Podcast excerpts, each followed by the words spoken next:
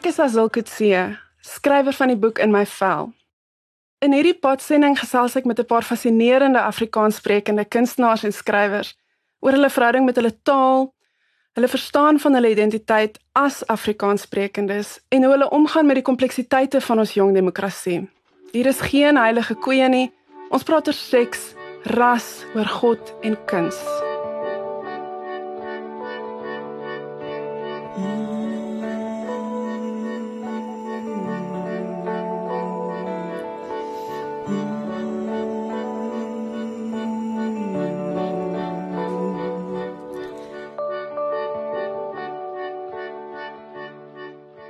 Kabous Meiding is dokumentêre filmregisseur, meningsvormer en televisieaanbieder, onder andere. Jy sal haar dalk ken van Pront uit, waar sy met allerlei mense rondom die tafel gaan sit om moeilike gesprekke te hê, of van Megaboere, 'n televisieprogram waarin sy deur die land reis om met boere te gesels oor die uitdagings van ons tye. Kabous is bekend vir regheid praat, maar ook vir haar vermoë om met mense te connect en hul stories die lig te laat sien. Ek praat vandag met Kabous oor die bubbles waarin ons leef woke kultuur, plaasmoorde, Black Lives Matter en Afrikanerskap.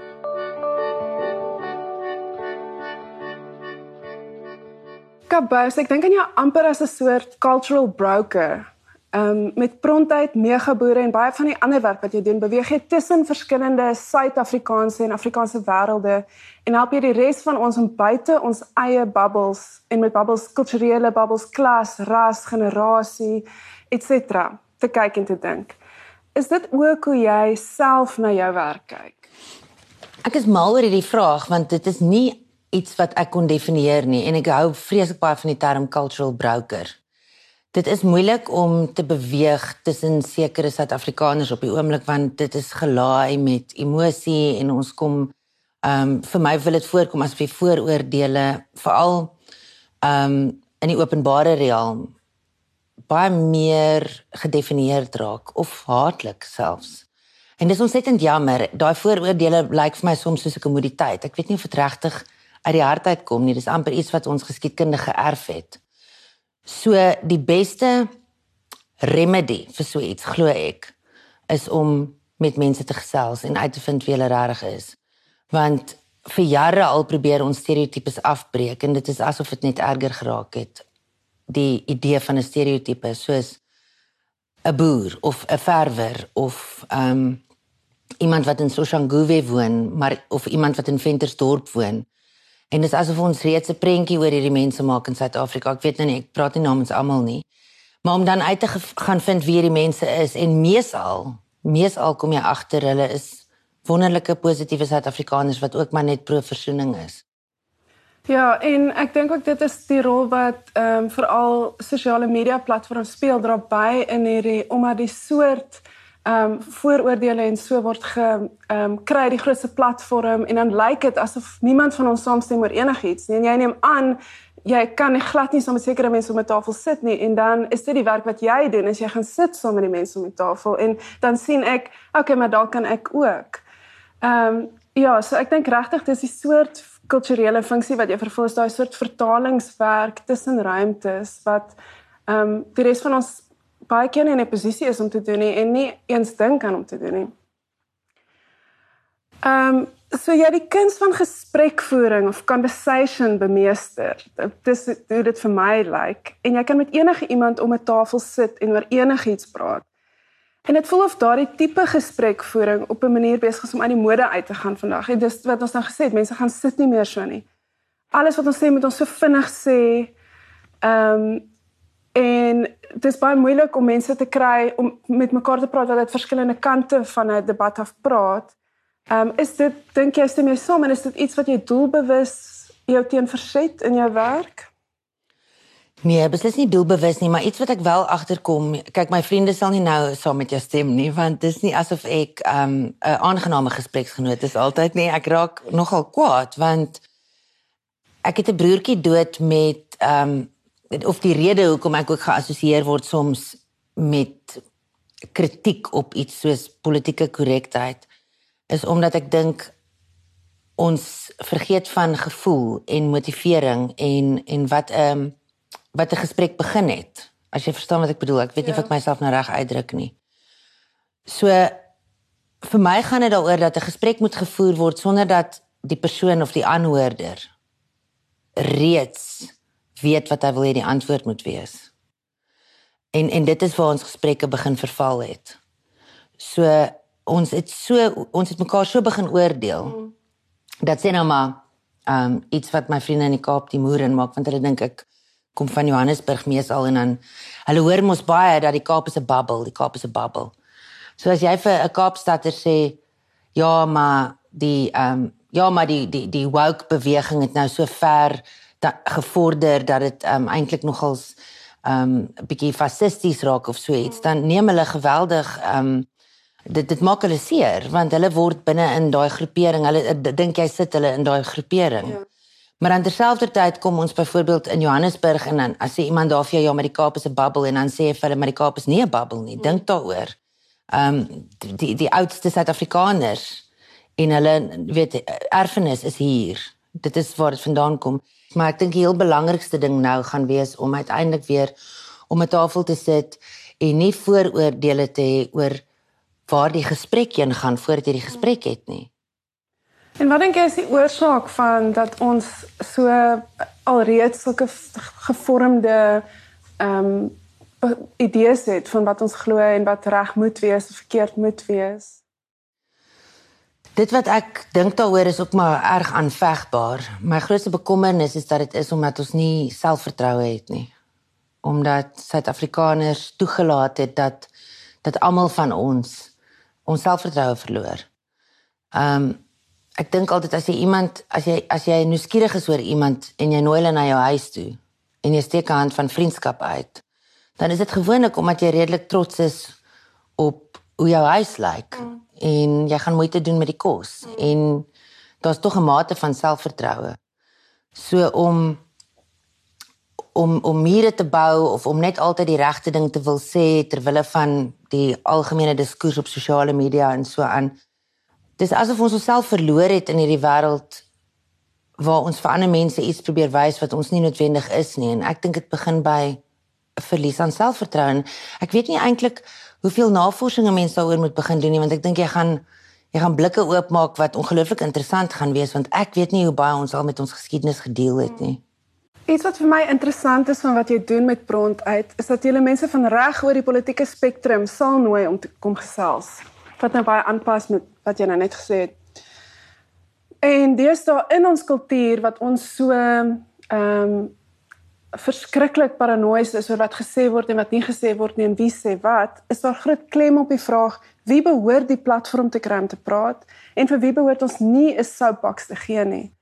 Worstel jy ooit daarmee en is jy bang soms dat jy vir die verkeerde en ek sit verkeerde in aanhalingstekens die verkeerde mense 'n platform gee om hulle idees te versprei? Is daar iemand met wie jy nie in 'n openbare gesprek sal tree nie, byvoorbeeld? Ja, dis my verskriklike moeilike vraag want dit het ook al gefluktueer in die afgelope paar jaar. Daar was al tye wat wat ou gedink jy moenie iemand nooi en in ander kere nooi weer al aspres iemand. Nou daai daai aspresheid is iets waarteen ek moet waak. Dis hoekom ek gesê het ehm um, my vriende sal nie moontlik saam met jou stem dat ek 'n lekker gespreksgenoot is nie want die rol van duiwels advokaat kan iets wees wat nogals onaantreklik raak as dit is as as, as jy jouself posisioneer om dit altyd te doen. Ehm um, die ouens praat van counterintuitiveness, nê. Nee, so jy gaan altyd teen die hoofstroom. Met ander woorde, soveel soos wat jy regtig saamstem met wokeness. Ehm um, of Black Lives Matter, want dit is jou eerste jy jy weet dit is dit is in jou DNA om absoluut saam te stem hiermee, maar onmiddellik gaan jy oor in 'n soort van 'n kritiese gedagte oor wat is die motief daarvan? Is die platforms nie dalk te tweedimensioneel nie en so aan. So ek moet persoonlik waak daarteen dat ek nie altyd die ander kant probeer insien te vinnig nie, want dit mag lyk asof jy nie in solidariteit of in empatie met 'n groep staan wat seer kry nie en dit wil ek nie doen nie. So as ek byvoorbeeld vir Steve Hofmeyer nooi wat ek gedoen het in 'n tyd wat daar baie sensuur teenoor hom was, was dit omdat ek gedink het ons het gepraat oor plaasgeweld en en maar op die paneel was die DA ook en ehm um, iemand anders weet die mense van Landbou Weekblad byvoorbeeld is 'n uitstekende voorbeeld van uiters oopkop progressiewe mense wat almal altyd insluit as dit gaan oor plaasgeweld.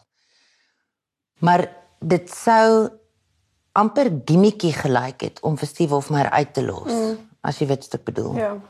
So dis belangrik om te kyk na jou motivering, soos wat ek nou die hele tyd sê. En ek dink om as prins vir iemand nie 'n platform te gee nie is vir my 'n groot probleem, ja, want wanneer jou wanneer jy uiteindelik met 'n oop gemoed al al eindig dit dan in 'n helse lekker debat, 'n gesprek begin. Jy kan dit net doen as jy die gesprek begin. Ja. Jy kan dit jy kan nie die uiteinde van 'n gesprek hê as jy die persoon nie genooi het nie. Daar's natuurlik mense wat 'n ou nie sal nooi nie, maar ek kan nie eintlik dink wie dit is nie. Die uitdaging om met iemand te praat is altyd vir my wonderlik. Ek vind ehm um, in ons tipe programme en platforms in Suid-Afrika moet ons maar net waak daarteen dat ons nie altyd dieselfde ouens nooi nie. Mm. En soveel soos wat ek nou klink asof ek moes 'n vroom is as dit kom by goeders wat miskien veldtogte is en ek glo dit is te veel van 'n window dressing, voel ek baie sterk daaroor dat ons bitter baie moeite moet doen om vroue swart mense, swart vroue, bruin mense. Ek het gister met 'n bruin vroue wynmaker gepraat. Daai mense moet doodgewoon meer blootstelling kry want hulle kry nog steeds nie die blootstelling op Afrikaanse televisie en radio wat hulle toekom nie. En dit sal ook almal se perspektief verbreek. Soos wat ons byvoorbeeld sien hoe wonderlik dit is om 'n megaboer te wees al bly ons hier in die stad. Ehm um, ek het nou twee vrae. Laat ek eers die meer persoonlike een. Ek is geïnteresseerd in jy sê die impuls wat jy het om duiwelsadvokaat te speel en om soof ek wou amper dwars te wees, maar dwars op 'n um, produktiewe manier te wees. En dink jy dis net 'n persoonlikheidsding of is dit weer eens 'n soort ehm um, amper 'n soort work ethic of hoe sou jy dit tipeer? Miskien is dit persoonlikheid omdat ek maar altyd glo in 'n saak het twee kante. En ek dink dit is uiteindelik hoe die wêreld gewerk het vir 'n tyd. Sekerlik in gesprekvoering en ons het ook 'n emosie gehad. As jy dink aan Suid-Afrikaners in die ou dae, die sappe en die natte het saam gelunch. En dan waai en toe jy waai en toe en waai nou maar en daar ry die familie weer, maar jy het nou nie regtig politiek gepraat nie, né? Ja. Maar deesdae bly die mense in silo's. Ehm um, jy kan nie eens meer by mekaar eet as jy as daar 'n vermoede is dat jy gaan verskil nie. Ja, so ek dink 'n saak het twee kante. Ou moet maar uitvind ehm um, wat wat wat die regte kom maar agter die kap van die byl voordat jy heeltemal veroordeel. Dit raak bitter moeilik op die oomblik met met ehm um, met gender-based violence. Ek het agtergekom dit is 'n uh, in in daai gesprek raak dit moeilik om 'n duivelsadvokaat te probeer wees, maar tog byvoorbeeld met die MeToo veld tog waar ek my nogals uitgespreek het, die probleem is die goed bly genuanceerd want ehm um, ek dink om 'n vrou te verkrag is erger as om 'n man se bout te knyp in 'n kroeg. Ja. En en ons moet nog baie in ons lewe daaroor praat. So ja, jy weet dit hang ook dit hang ook af van die gesprekke. Ek is bekommerd oor kommoditeite. Ek mm. bekommerd dat ons in 'n wêreld is van veldtogte. Maar wat my meer bekommer is dat sodra jy sê jy is bekommerd oor dit, dink mense jy is teen dit. O ja. Ja. So ons sal baie ver moet teruggaan om die hele om 'n kritiese diskurs weer meer sagkens met mekaar toe te laat. En as jy sê kommoditeite, dan verwys jy na die manier waarop debatvoering op 'n manier gekommodifiseer is op sosiale media platforms en so. Ja, die hele idee, kom ons vat die woord woke, nê? Nee? Dis 'n wonderlike idee en is 'n wonderlike konsep en so aan, maar met fees must fall en nou ongelooflik baie dosente bitter swaar gekry en ernstige sielkundige skade gely. Baie van daai dosente was bang om in die openbaar jong swart studente wat rede het tot opstand want daar's 'n baie ernstige geskiedenis wat swaar kry betref en armoede. Maar hulle is bang om seker goed te kritiseer, nê? Nee? En binne in dit skep jy eintlik 'n sielkundige trauma. Hmm. So dis maar wat ek bedoel met kommoditeit. Ek weet nie of dit die regte woord is nie, maar dis amper soos bemarkingsveldtogte. Mm. En en mense raak te bang om te sê maar wag 'n bietjie. Hier is is nie reg nie. En en dit kan wees dat ek is te bang om kampus toe te gaan of ehm um, daar word vandag kuns afgebrand. Maar terwyl jy dit sê, sê jy nie die road standbeeld moet bly nie. Dis twee verskillende goed wat gesê word. En ek is bang dat daar ongelooflik baie detail verlore gaan in hierdie in hierdie veldtogte. Ja, ek dink ek stem saam met jou. Ehm um, dan oor wat jy gesê het van dat jy dink nog steeds mense kry en daar's baie mense wat nie genoeg blootstelling kry nie, so swart vroue.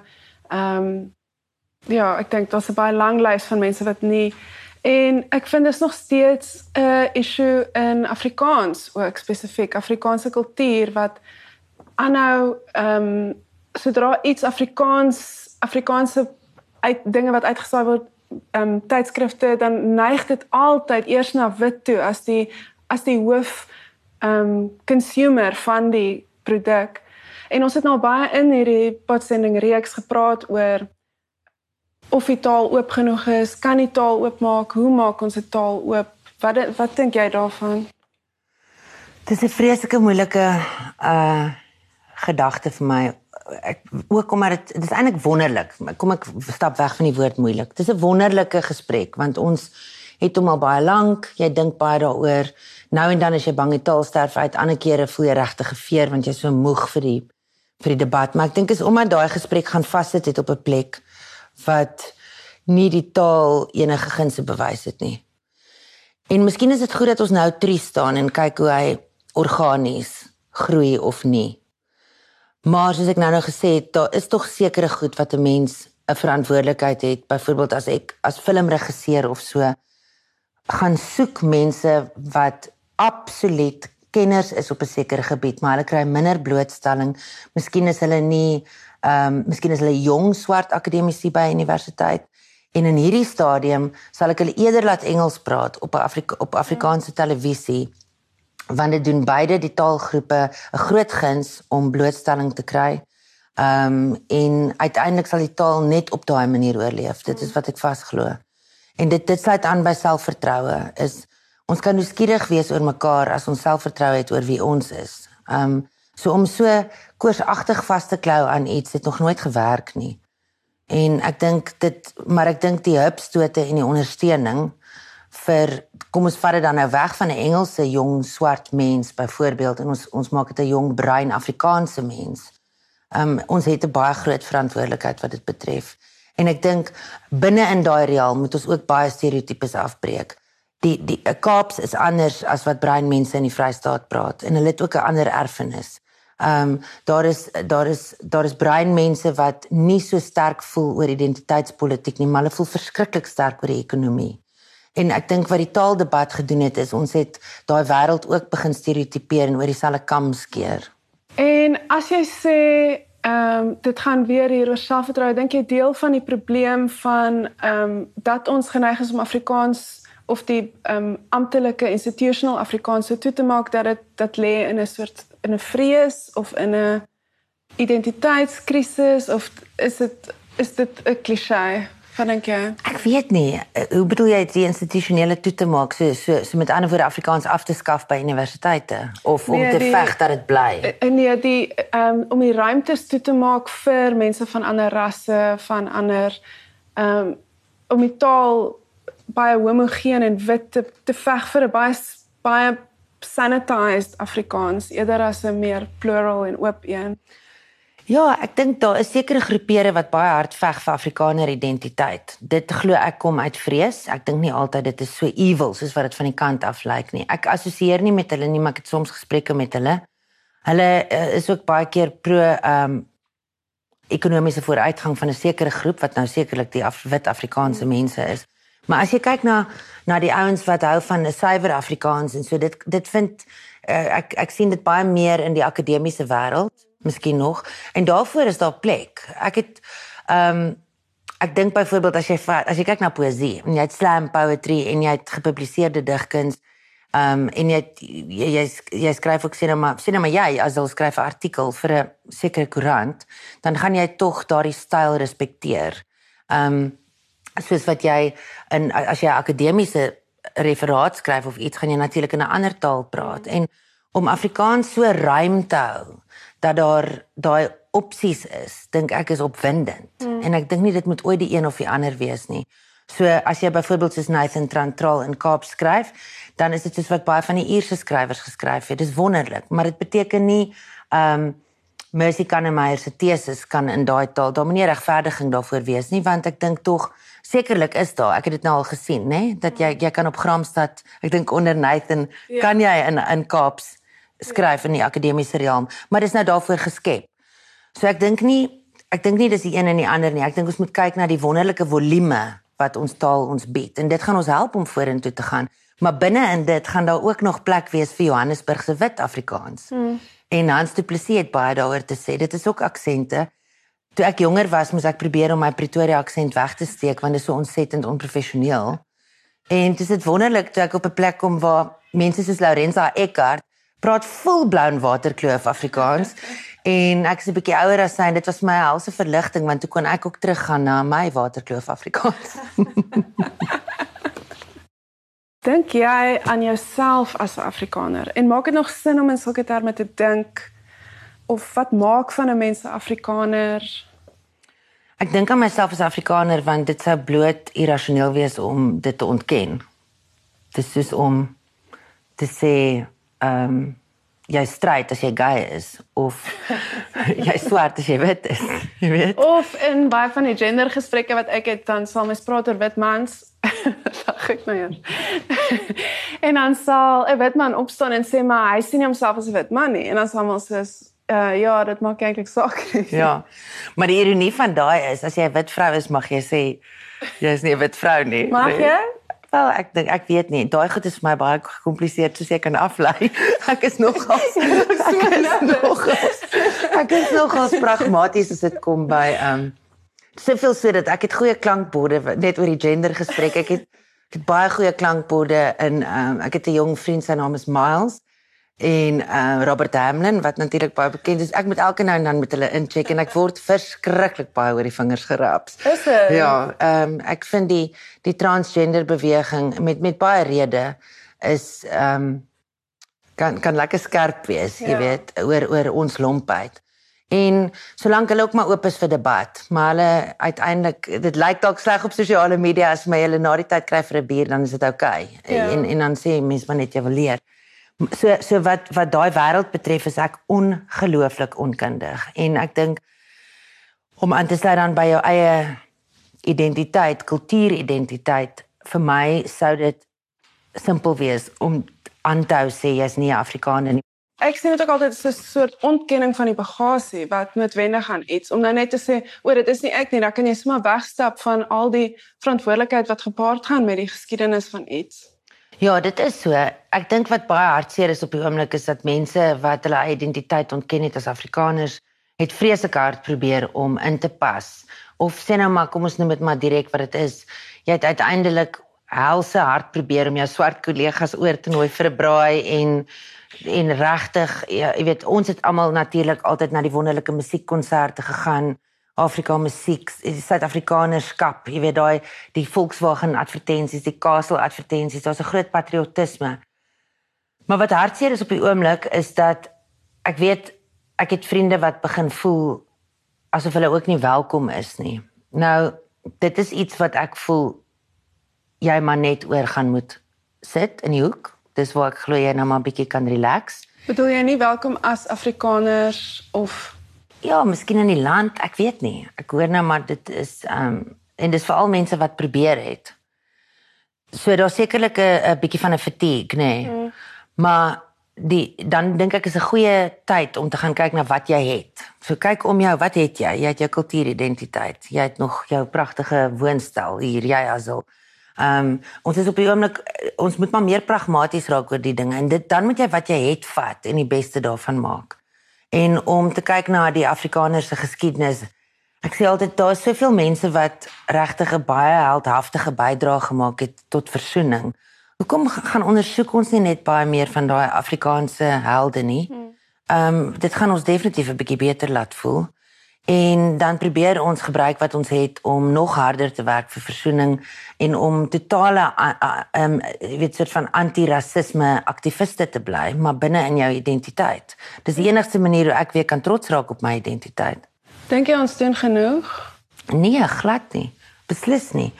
Ons ehm um, ons praat net wie oor wie's links en wie's regs. Ons lees die Vrye Weekblad en dan is iemand bly as Max de Pre die regering gekritiseer het want dan begin dit meer uh, aanvaarbaar voel ja. en so aan. Maar om om net te kritiseer beteken nie jy hou aan om jou hand uit te steek en versoening en dit is wat my soms baie bekommer oor wit woke mense is hulle het nie so baie swart vriende soos baie van die meer oudtydse ja. liberale wit mense in die noorde nie. Ja. So die die die die die praktiese uitspeel van die goed raak vir my belangrik. So ek dink dit sou as jy so baie energie daaraan spandeer om jou eie identiteit uh van jou om jou eie identiteit te ontken gebruik jy daai energie en bou iets of bou ja. vorentoe of steek jy hand uit. Ek dink egter nie ek's 'n tradisionele Afrikaner nie. Maar dit weet jy. Ja. Ek bedoel maar net dit is hoekom 'n mens sê jy bly Afrikaner want jy probeer wys hulle is ook dan nou nie net almal so tradisioneel nie. Daar was ook 'n tyd wat ek nogal snobisties was vir Afrikaners toe ek groot geraak het. Jy weet, jy sien die brons army boots as deurstoppers in iemand se huis nie, ek dink is verskriklik lelik. maar jy het ook natuurlik in 'n ehm um, dit 'n baie spesifieke soort Afrikaanse huis groot geword waarop mens kon ek dink baie trots wees. Ehm um, ja, maar jy ook.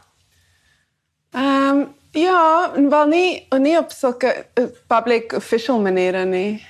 Ja, maar my ouers is ook ouer. Hulle was in daai tyd was die mense baie baie verlinks en jy, dit was wonderlik want jy was absoluut teen apartheid, nê? Nee? Hmm. Nou is dit baie meer ingewikkeld. Ja, daai tyd was daar baie maklike vyand om teen te staan terwyl nou is dit so complicated om te weet waar om te staan. Ek en 'n vriendin het ook gister gepraat want ons luister na so 'n fantastiese podcast Mannetjies vrou, ehm um, wat ek vir enigiemand sal aanbeveel. Um, ek ken dit van Angie Gallagher. Ja, 'n groep lesbiers in van um die een is in hulle is in Bloemfontein en in Karoo en en nog seker en hulle praat weer 'n soort Afrikaans en praat van 'n soort kulturele Afrikaansheid wat ek glad nie ken nie en dan luister ek daarna en dit is vir my soos 'n ander wêreld wat oopgaan. Um die soort cultural references wat hulle doen want ek het net groot geword in die Kaapse voorstede my hele lewe en te sê toe praat ek en 'n ander vriendin daaroor te sê ons of dit sê sy hoe verskillend Afrikaners ook is. Dat ons is baie vinnig om dit te reduseer tot een soort identiteit, maar jou voorste jou Kaapse voorstedelike persoon is iemand heeltemal anders as jou persoon in die Karoo of jou boer in die Vrystaat of en dit is iets wat ek ook moet onthou die hele tyd want ek is geneig om dit te vergeet en alles te reduseer tot een. Ek maak dit vir baie lank. Hmm. En ek dink dit is juist omdat ek so ver van daai brons army boots af groot geraak het dat die werk wat ek nou doen vir my so interessant is. Mm. En en dit is waar as mense praat oor die ander en die eie, het ek 'n baie groot probleem in Suid-Afrika want vir sommige mense is die ander hulle eie identiteit. Mm. En um, ons kan nie net altyd praat van die ander as mense met ander klere nie. Ek kies vir my is hulle nie die ander nie. Vir my ehm um, van jy weet eh, dit eh, mense het bruin vriende of wit vriende of wat ook al en jy voel baie nader aan mekaar as wat ek byvoorbeeld voel oor sekere Afrikaners. Maar in 'n mate het dit vir my 'n uitdaging gebied dat ek daardie ander gaan leer ken en minder oor minder hulle uh, veroordeel skat ek. Hulle maak baie lekker kos. Maar ja boeke het dit baie goed gedoen. Daai soort van friksie met identiteit en en van uiteindelik wat jou boek gedoen het is om te sê kom ons maak kom ons begin hierdie gesprek oor of dit oukei okay is.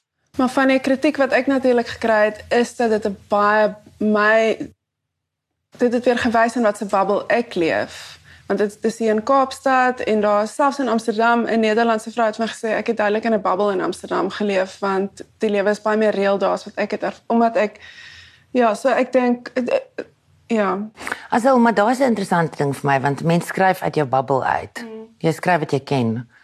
En jy kan nie, jy weet, dit sou kom ek sê om net sommer te sê die Kaap is 'n bubble is is silly. Ehm um, en want want mense wat in die Kaap woon, dis hulle realiteit. Ja. Dit is 'n realiteit. Dit is nie 'n bubble nie. Daai was jou realiteite. Ja.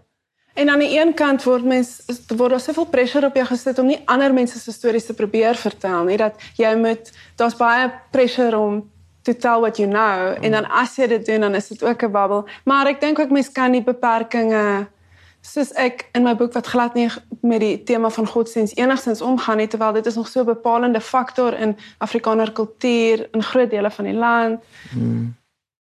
Jy is baie betrokke in die binnekamers van Afrikaanse kulturele skepping, soos um, letterkunde in teater en film, televisie. Watter trends sien jy op die oomblik wat kenmerkend is van ons tyd of wat spesifiek vir jou interessant is van hierdie sort of cultural moment in ons kultuur?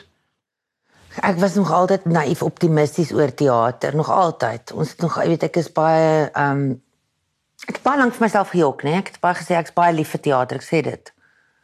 Net soos wat ek sê ek's baie lief vir boeke, maar toe moes ek op 'n dag agterkom ek is lief vir teatermakers en ek is lief vir skrywers. En en daar's 'n verskil.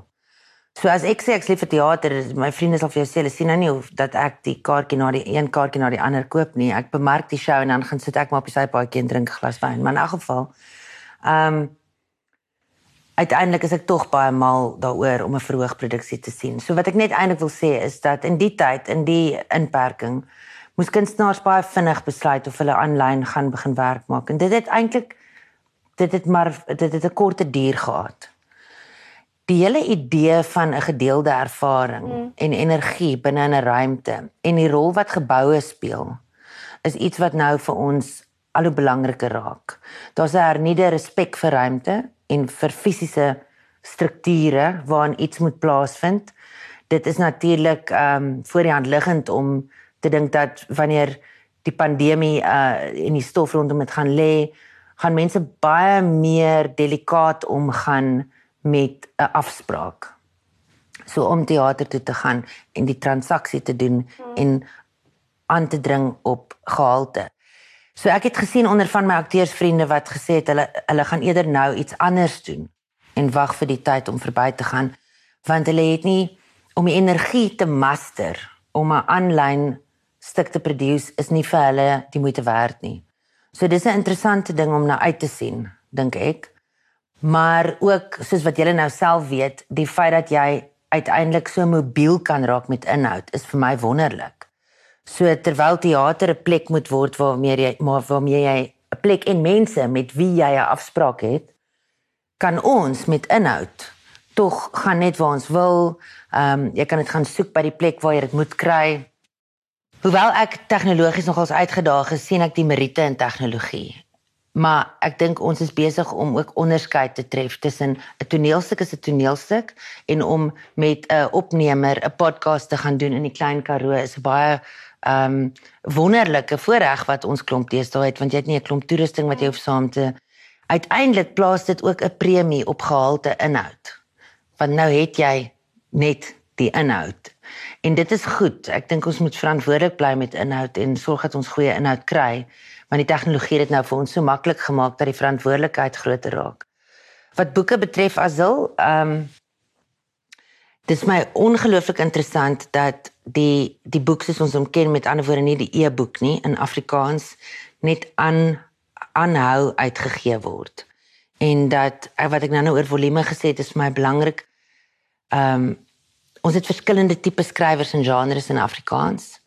En daar's 'n vrolikheid vir my om hoe hoe, hoe genres aanvaar word. So ligte romans. Daai skrywers word gerespekteer. Digters word gerespekteer. En hoewel die verkope ongelukkig nie so goed is nie, dink ek tog ons het 'n kultuur om om skrywers te respekteer. Ek wens net dit was nog groter en ek wens dat hulle almal nie nog ander day jobs ook hoef te gehad het nie, want dit is so. Dit is dan globaal redelik behalwe vir die groot skrywers in Amerika is dit maar 'n harde realiteit van reg oor die wêreld. Ehm um, die afgelope paar weke sien ons hernieude protesaksie deur wit Suid-Afrikaners oor plaasmoorde in reaksie op die Black Lives Matter beweging. Ek is nuuskierig hoe jy hieroor dink spesifiek in die konteks van jou werk met die boere. Ja, ek dink die groot fout het gekom dat dit 'n reaksie was op Black Lives Matter of dat daar reaksie was op Black Lives Matter van die van die plaas slagoffers af. Want die twee behoort glad nie teen mekaar te kompeteer nie en dit is waar die probleem lê is dat ons met uh misdaad in kategorieë sit. So nou raak dit gevaarlik want nou begin ek vir jou sê maar alle lewens is belangrik. Um, en ek sê pertinent nie all lives matter nie want ek glo dat soos ek voorheen gesê het, daai slagspreuke die groot probleme veroorsaak. Hmm. So die feit dat all lives matter, daai whateverism, wat noem jy dit? Whataboutism, whataboutism is. Dis die probleem. Want nou raak dit of ek of jy. Mm. So as 'n mens die ding gaan unpack, wat nou maar 'n kommoditeitswoord is waarvan ek baie hou. Ehm um, dan dink ek daar's 'n groot daar's 'n groot probleem daarmee om te sê in Amerika word 'n man doodgemaak en dis baie uh, traumatiese foto's wat ons sien. En die hele wêreld kom in opstand en in Suid-Afrika word uh word die plaasgeweld ding um nou weer in teenstelling daarmee geplaas. Want dit is presies hoekom dit almal so verlam. Mm. en ek voel baie sterk oor oor plaasgeweld want ek dink dit die verkeerde narratief word gevolg en natuurlik word dit deur 'n radikale groepering gekaap maar die pers gee ook vir hulle daai platform en hulle is by verre nie die landbougemeenskap in hierdie land nie. So dis belangrik vir my dat ons stemme gevoeg word by 'n kommer oor plaasgeweld. En as jy sê die verkeerde narratief word gevolg, wat bedoel jy presies? Die verkeerde narratief word gevolg in die in terme van uh, genocide, um, of dat um, dat dat arme ek ek is 'n wit boer, ek word op my plaas aangeval. Um, dis wraak. Dan gebruik daai mense woorde soos rasisme en so aan, maar daar's 'n ander narratief ook wat wat van van baie progressiewe wit mense afkom wat ek as vriende beskou wat soms glo dat hierdie goeders verdien word. So daar's twee daar's twee pole wat nie waar is nie. Boere gee dit dit is in Suid-Afrikaners se DNA om te boer. Ons was al vir baie lank die broodmandjie van Afrika. Ons ehm um, probeer voedselsekerheid ehm um, soort van altyd beklemtoon in hierdie land want ons sit met 'n verskriklike groot ongelykheidsissue met armoede en so aan. So om ideologies polities daarmee om te gaan verlam net daai situasie en dit is sodat die polisie die polisie op die platteland help geweldig baie met plaasgeweld. Maar die feit dat die regering regtig ehm um, baie heel wat misdaad in Suid-Afrika nie genoeg aanspreek of onder die regte aandag of onder die regte mense se aandag bring nie, dink ek raak frustrerend. Mm. En en jy moet gaan sit en dink aan wie die mense is om vir vir 'n vrou ouma in die, in 'n township om vir haar kleinkinders te sorg en sy moet water gaan haal by 'n kraan is ongelooflik moeilik. Vir 'n ouma om op haar eie te boer in van Stadensrus en elke aand bang te gaan slaap en sy's 'n weduwee en sy's stoksiel alleen op die plaas is moeilik. So ons my probleem is dat ons nie genoeg hierdie dinge vermenslik nie en net vermenslik. Die een narratief waarvan ek nou gepraat het, sensasionaliseer dit en ek dink dit is regtig 'n probleem. Ek hou niks daarvan nie want uiteindelik trek hulle die aandag af van die oplossings. En dit sal nou wees daai splash daai baie erge headlines ja. op die voorblaaie en die grafiese fotos. Ja. Ja. Ehm um, maar so so in reaksie tot Black Lives Matter, Black Lives Matter wat my ook bekommer daarvan 'n ou moet gaan vra wat is simpatie en wat is empatie. En en as jy nie regtig as jy nie regtig voel jy is ongelooflik jammer vir George Floyd nie. Moet jy twee keer gaan dink oor hoekom jy daai hashtag op jou Instagram sit. Mm. En dan moet jy gaan kyk daar was daar was 2 weke daarna was daar ook 'n was daar 'n skietery in Atlanta. As ek dit nie mis het nie. Ehm um, en hoekom het dit nie so baie aandag getrek nie? So ons moet regtig om 'n tafel gaan sit en gaan kyk na die oorsake van die goed. Ons moet in detail daaroor praat en ons kan nie die een probleem teenoor die ander een stel en sê ja, maar ehm um, Jy weet swart mense in Amerika kry al baie langer swaar as boere in Suid-Afrika nie. Dit is mos eintlik uh, ons onsinnig, is dit ja. nie? OK, nou nog bietjie oor jou werk met die boere. Jy begin het om megaboere aan te bied. Was dit spesifiek 'n onderwerp 'n um, onderwerp van bespreking dat jy 'n vrou is en iemand het op die internet geskryf eh, skryf hulle hulle is nou so bly want hulle is 'n lid van die skoner geslag wat nou 'n programmer boere gaan aanbied.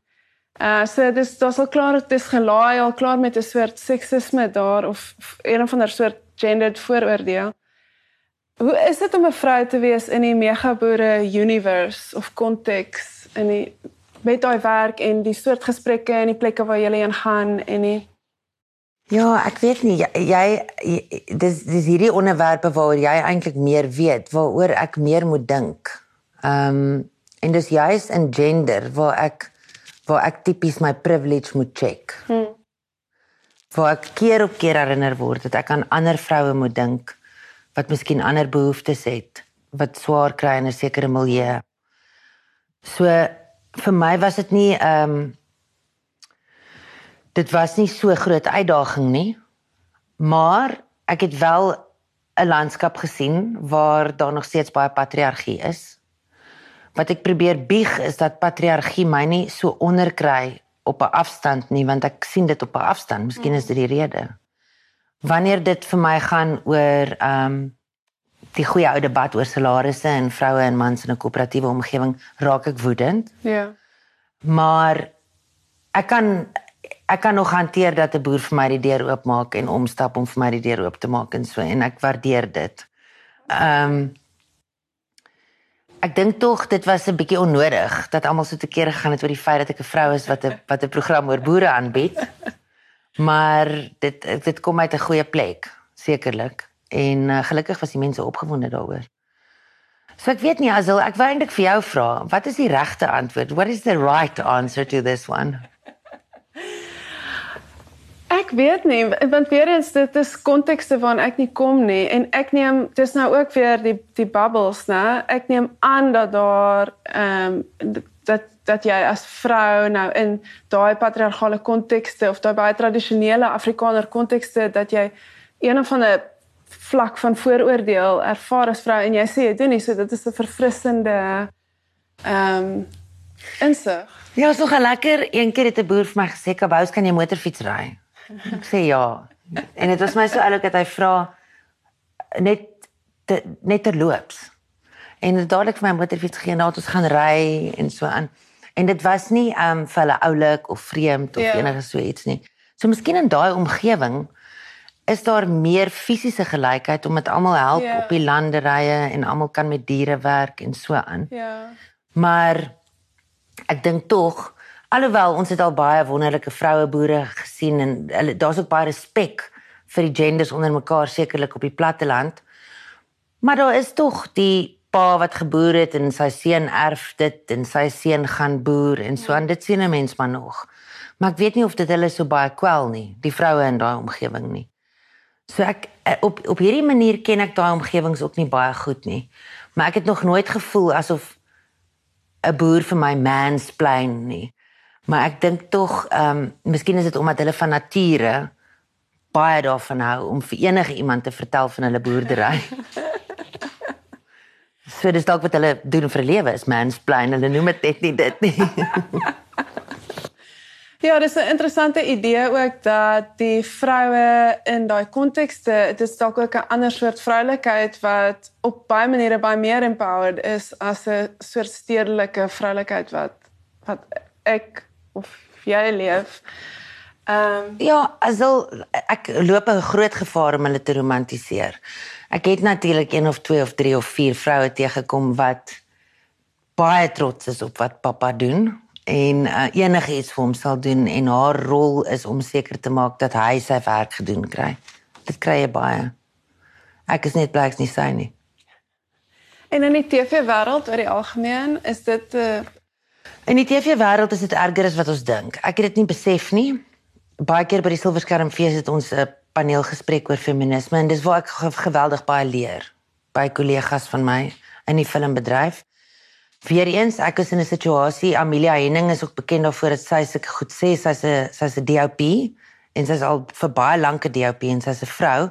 Dit het haar nog nooit geplan nie dat sy tussen die manne haar ding moet doen nie. So sy sê dit eerlik, dit pla haar nie. Dit pla geweldig baie ander mense dat hulle maar net moet adapt of die aan daai kant.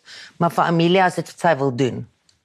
Ehm um, ander vroue voel weer dat hulle miskien nie uh ons het ons het 'n groot tekort aan vroue regisseurs in die filmwêreld.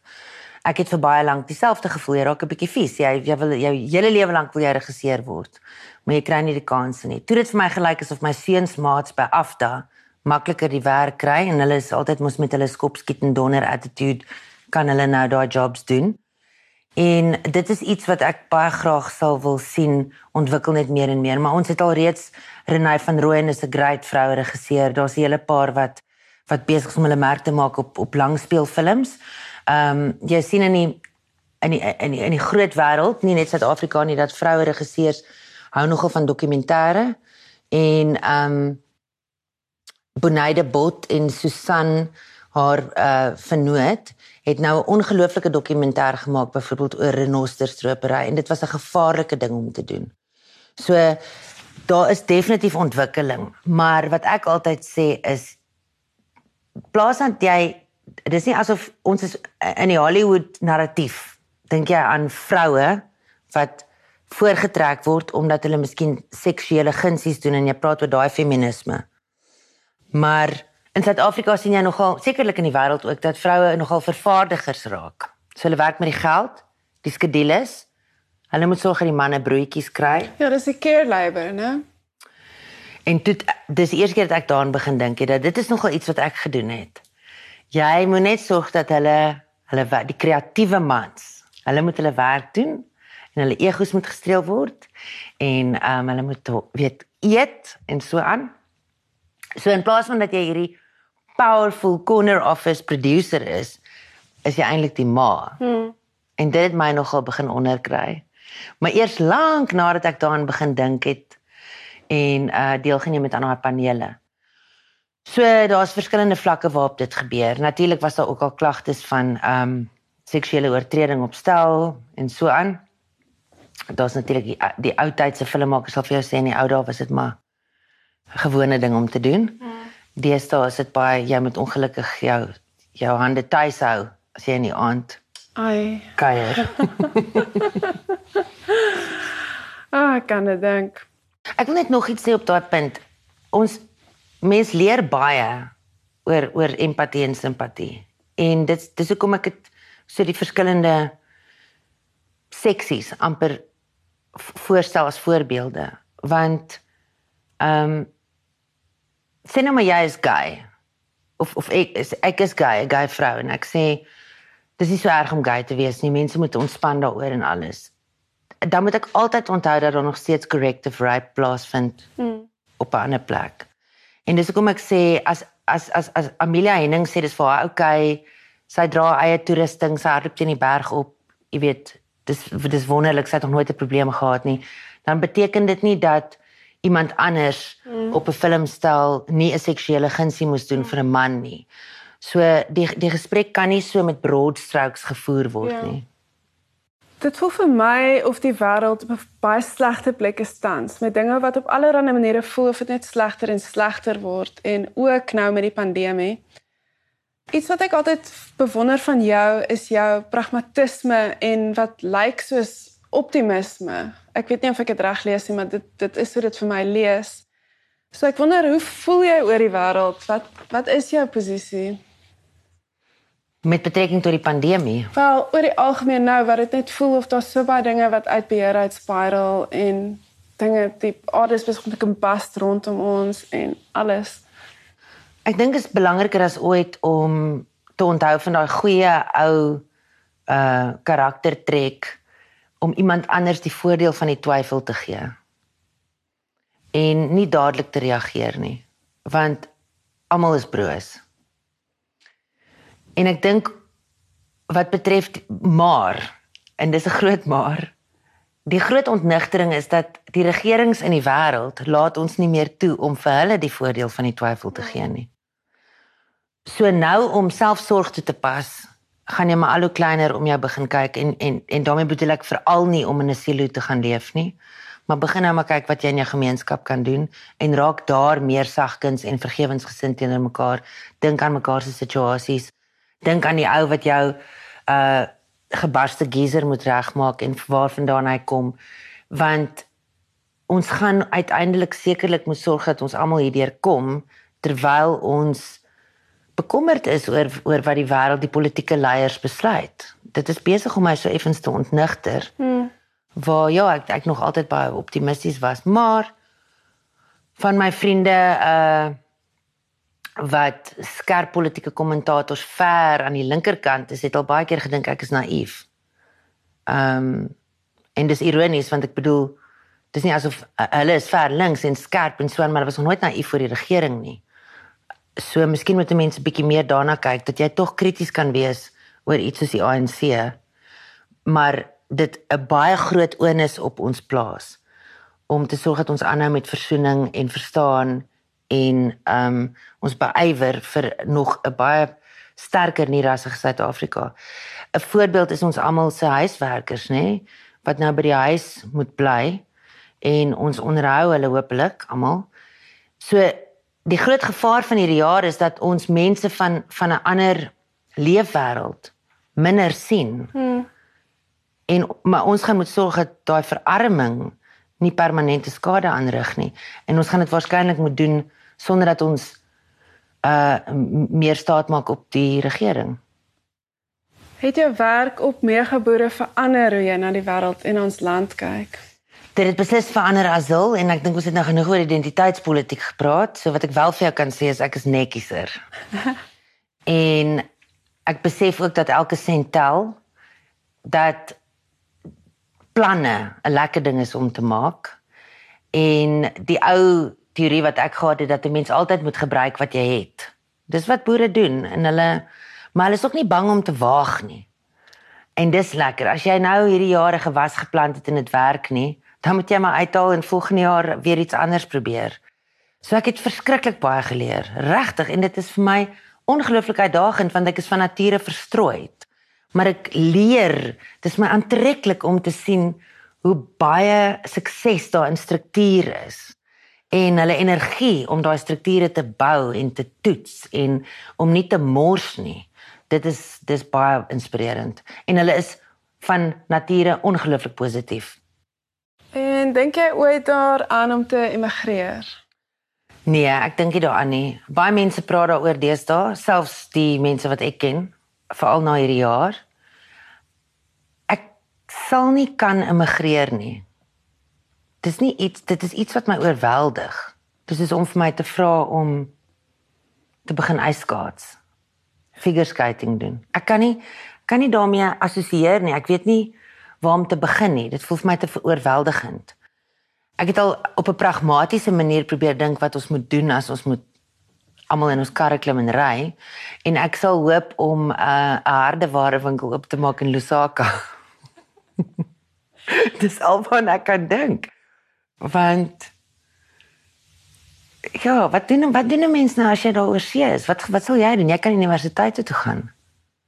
Ja, mens doen minder, is maar meer in jou woonstel. ja.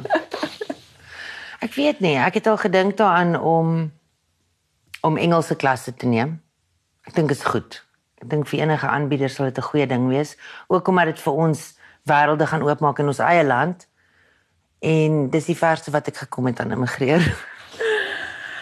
Aan die einde van elkeen van hierdie onderhoude vra ek vir 'n Afrikaanse aanbeveling. Is daar 'n boek, 'n film, 'n liedjie of enigiets anders in Afrikaans wat jy kan aanbeveel vir die luisteraars? En dit kan iets wees wat jy onlangs ontdek het of wat jy al vir ewig van hou.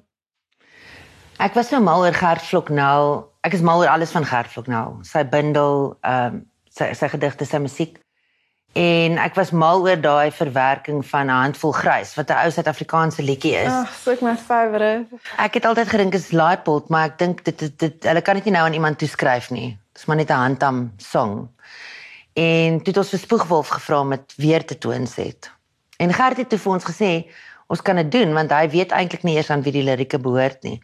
Maar daai is 'n uitstekende voorbeeld van hoe mooi Afrikaans is en as dit dan in die regte hande beland, hoe ver dit kan ontwikkel, net dat jy in 2018 sing spoegvolgs dit nadat Gert Vlognel dit gesing het.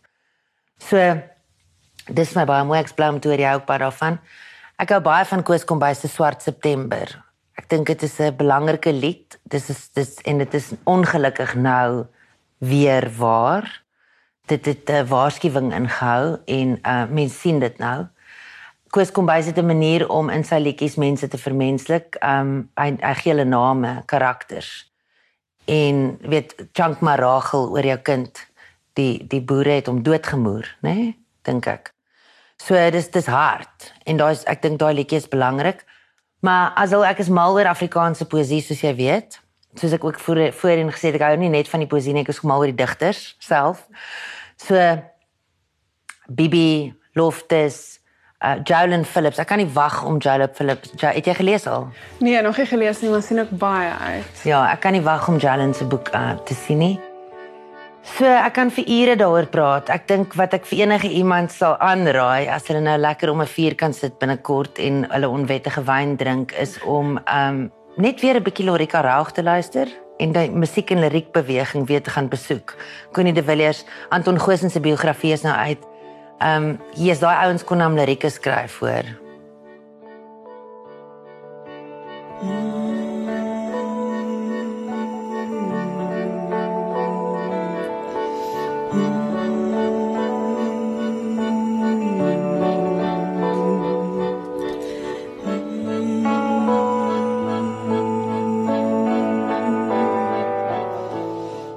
Azil Kutse is die skrywer van In my vel, 'n reis. 'n Boek oor weggaan en terugkom. Oor witheid en Afrikaans wees.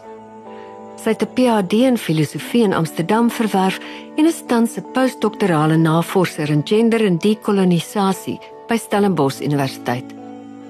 Haar menings verskyn dikwels in verskillende Afrikaanse publikasies soos Vrye Weekblad, Rapport en Litnet.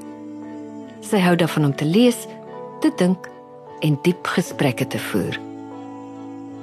Musiek vir hierdie potsending is gekomponeer deur Ricolatti.